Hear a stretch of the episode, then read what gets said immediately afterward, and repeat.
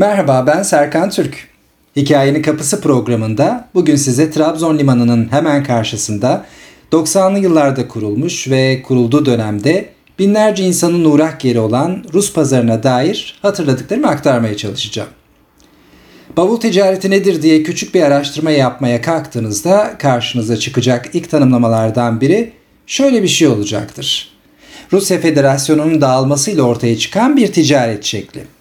Doğu bloğundaki ülkelerden gelen, çoğunluğu kadınlardan oluşan kişilerin yanlarındaki bavullarla getirdikleri eşyaları satıp buradan aldıkları ürünlerle ülkelerine dönmesiyle ortaya çıkan gümrüksüz bir alışveriş olayı. İlk aklıma gelen şeylerden biri matruşkalar. Hepsi birbirine benzeyen iç içe girmiş bu bebekler pazarın popüler oyuncaklarından. Bugün Trabzon'da hangi eve gitseniz bu bebeklere denk gelmeniz mümkün. Ülkenin farklı kentlerinde açılan bu pazarlar yıllarla birlikte değişmiş ve artık yabancıların uğramadığı minik dükkanlardan oluşan bir yer haline geldi. Trabzon'daki pazar yeri limanın karşısında kurulmuştu. Çevresinde pek çok otel olan bu yer hatırladığım kadarıyla tren kompartımanlarını andırıyordu. Ziyaretçilerin yoğunluğundan dolayı bir süre sonra girişine turnike yerleştirilmiş, buradan da ciddi paralar kazanılmıştı. Bit pazarını andıran bu pazarda yok yoktu. Tabaklar, fincanlar, vazolar gibi ev eşyaları kadınların ilgisini çekerken elektronik aletler, spor malzemeleri, deri ceketler, eski radyolar hatırladıklarım arasında. Üzerinde çıplak kadın resimleri olan oyun kağıtları, çeşit çeşit pullar ve kartpostallar kütlü kıyafetler arasında hemencecik fark ediliyordu. Elbette kol saatleri, müzik aletleri ve madalyonlar en çok incelenen ürünler arasındaydı. Ve o dönemde benim yaşımda olan çocukların saatlerce elinden düşürmediği Tetris oyunu. Bir çocuk olarak bu pazara gittiğimde dikkatimi çeken şeylerden biri de yere serdikleri muşambanın üzerinde oturan orta yaşı geçkin çoğu yorgun görünümlü bu kadınların yüzleriydi. Dilini bilmediğim bu kadınların yüzlerinde gördüğüm şeyi tanımlayacak uygun bir sözcük bulmam gerekirse çaresizlik diyebilirim. Birkaç kez orada gördüğüm kadınların hikayelerini yazmaya çalıştımsa da pek başarılı olamadım. Rus pazarının olduğu bölgede Çömlekçi'de çok sayıda otelin varlığından bahsetmiştim. Mehmet Yaşı'nın Soydaşımız Balık Burcu romanında bir bölümde bu otelleri bulunduğu liman bölgesinden bahsedilir. Hayır diyor James, Trabzon'da fazla oyalanmamız gereksiz. Aradığım yer değil burası. Ne yeterince geri kalmış ne de gelişmiş. Filmde baskılar yüzünden İngiltere'ye iltica eden bir kızı oynayacaktı Deniz. Beni getirdiniz bu yerde insanlara baskı yapmak bile gereksiz. Michel katılıyor James'e çünkü liman sinirlerini bozuyor. Bütün oteller limana doğru bir tepe gibi üst üste yığılmış. Liman bir beton ve demir birikintisi halinde. Tırlar, vinçler, uzun yol taşıtlarına bağlanan çelik kasalar. Ötede borular, yapı malzemeleri. Daha beteri limandaki çimento fabrikası. Oradaki yüklemeler, makinelerin gürültüsü, kamyonların olur olmaz saatlerdeki korna sesleri, beyaz yakıcı çimento kokusu. Yazarın kitabı 80'lerin ilk yıllarında yazıldığı için bu pazar yerinin manzarası eksik. Sonraki yıllarda yazılan bazı kitaplardaysa Rus pazarı ve beraberindeki hayatı olumsuz etkileyen, adları çeşit çeşit olsa da Natasha diye tanımlanan bu kadınların hikayeleri yazılıp çizilmiş. Trabzon doğumlu şair Çiğdem Sezer'in Mavi Çayır'ın Kadınları benzer meseleleri odağına alan bir roman. Mavi Çayır'ın Kadınları Moskova'dan Trabzon'a uzanan bir çizgide böylesi suskunluklarla yok sayılmaya çalışan bireysel ve sosyal trajedilerin kapılarını aralıyor. Roman boyunca kadın kahramanlar üzerinden bu trajediler sergilenirken bir yandan da Rus işgali altındaki Trabzon'dan Rus pazarına uzanan süreçte yaşananlar gündeme getiriliyor. Bade, Narin, Olga, Tatyana, Hayat. Roman bu kahramanlar üzerinden sorguluyor yaşananları. Cinsel taciz, aile içi şiddet ve egemen güçler eliyle sürdürülen fuhuş. Coğrafyalar değişiyor ama kadın olmanın trajedisi değişmiyor. İnsanın kendinden başka gidecek yeri kimsesi olabilir mi sorusuna da yanıt aranıyor bir yandan. Geçmişin gölgesinden kurtulup yeni bir yaşam kurmak ya da geçmişle barışıp sürdürmek yaşamı. Mavi Çayır'ın kadınları bu soruları da sordurtuyor satır aralarında. Olga'nın dediği gibi mavi bir çayırdır belki de deniz uzaktan bakıldığında kıpırtısız görünen ama içinde her şeyi alt üst edecek kadar güçlü dalgalar saklayan. Sanatçılarımız edebiyatla, müzikle, sinemayla yaşananları kuşaktan kuşağa taşımaya çalışmış. Bir anlamda bölgenin röntgen filmini bu eserlerde görmek mümkün. 2013 yılında Orhan Tekioğlu Öyle Sevdim Ki Seni isimli bir film çekti Trabzon'da. Trajik bir aşk hikayesini odağına alan film, Sovyetler Birliği'nin dağılmasıyla hayatı alt üst olan ve her şeyi sil baştan başlayan Olga'nın öyküsünü beyaz perdeye aktardı. Olga esasında 1900'lü yılların başında taş ustası olarak çalışan ve Yalta'ya giden, burada işine devam eden Mustafa Usta'nın torunudur. Sovyetlerin dağılmasının ardından Sarp sınır kapısı açılır, Olga çalışmak ve yeni bir düzen kurmak için Trabzon'a gelir. Ne var ki kısa zaman içerisinde Trabzon'a o bölgeden gelen her kadının Natasha olarak adlandırılması sorunuyla o da tanışır. Bu esnada Cemal'le karşılaşması işleri iyiden iyiye karıştırır. Toplumsal önyargılar, zorunlu göç ve parçalanmış aileler temalarını bir araya getiren filmin başrolünde Türkiye televizyon izleyicisinin yakından tanıdığı Alma Terziç ve Oktay Gürsoy yer almıştı. Ula bu deniz buna izin verir mi sanıyorsun? Üstelik Karadeniz.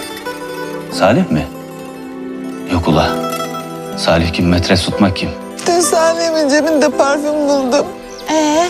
Herifler güzel kokmak istiyorlar Rus karılarına. Sen de benimle geliyorsun. Ula ben gelmiyorum. Sen git daha. Benle gelirsen ha borcunu silerim. La cennete götüreceğim seni diyorum ya cennete.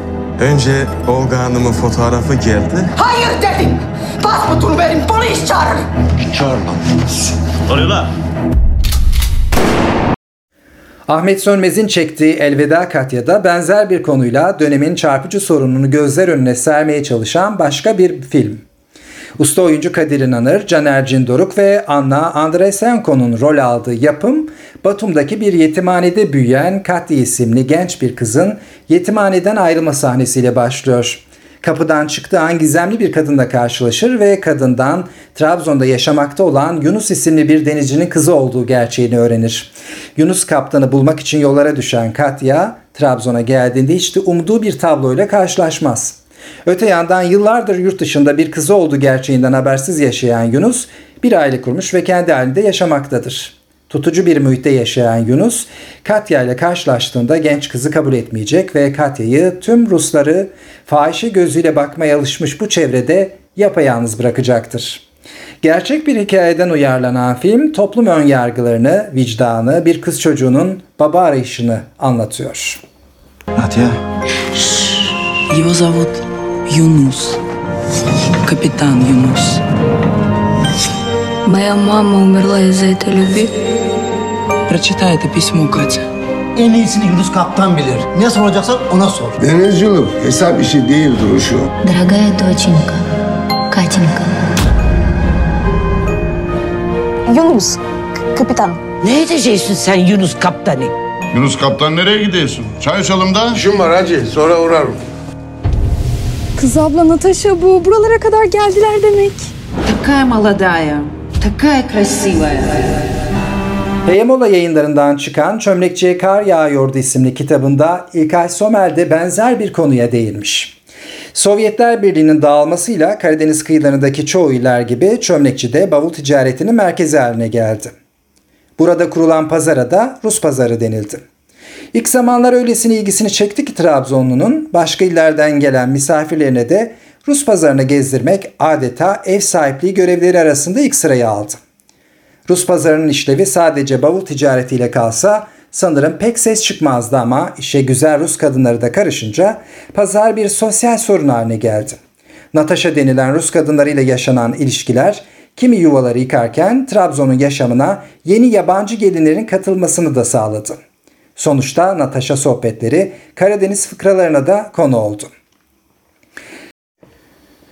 Trabzon'un Çömlekçi Mahallesi kentin eski fuhuş üssü. Duvar yıkılınca ilk canlanan yer burası olmuş. Sarp kapısının açıldığı 1989'da 15 kişi geçmiş kapıdan.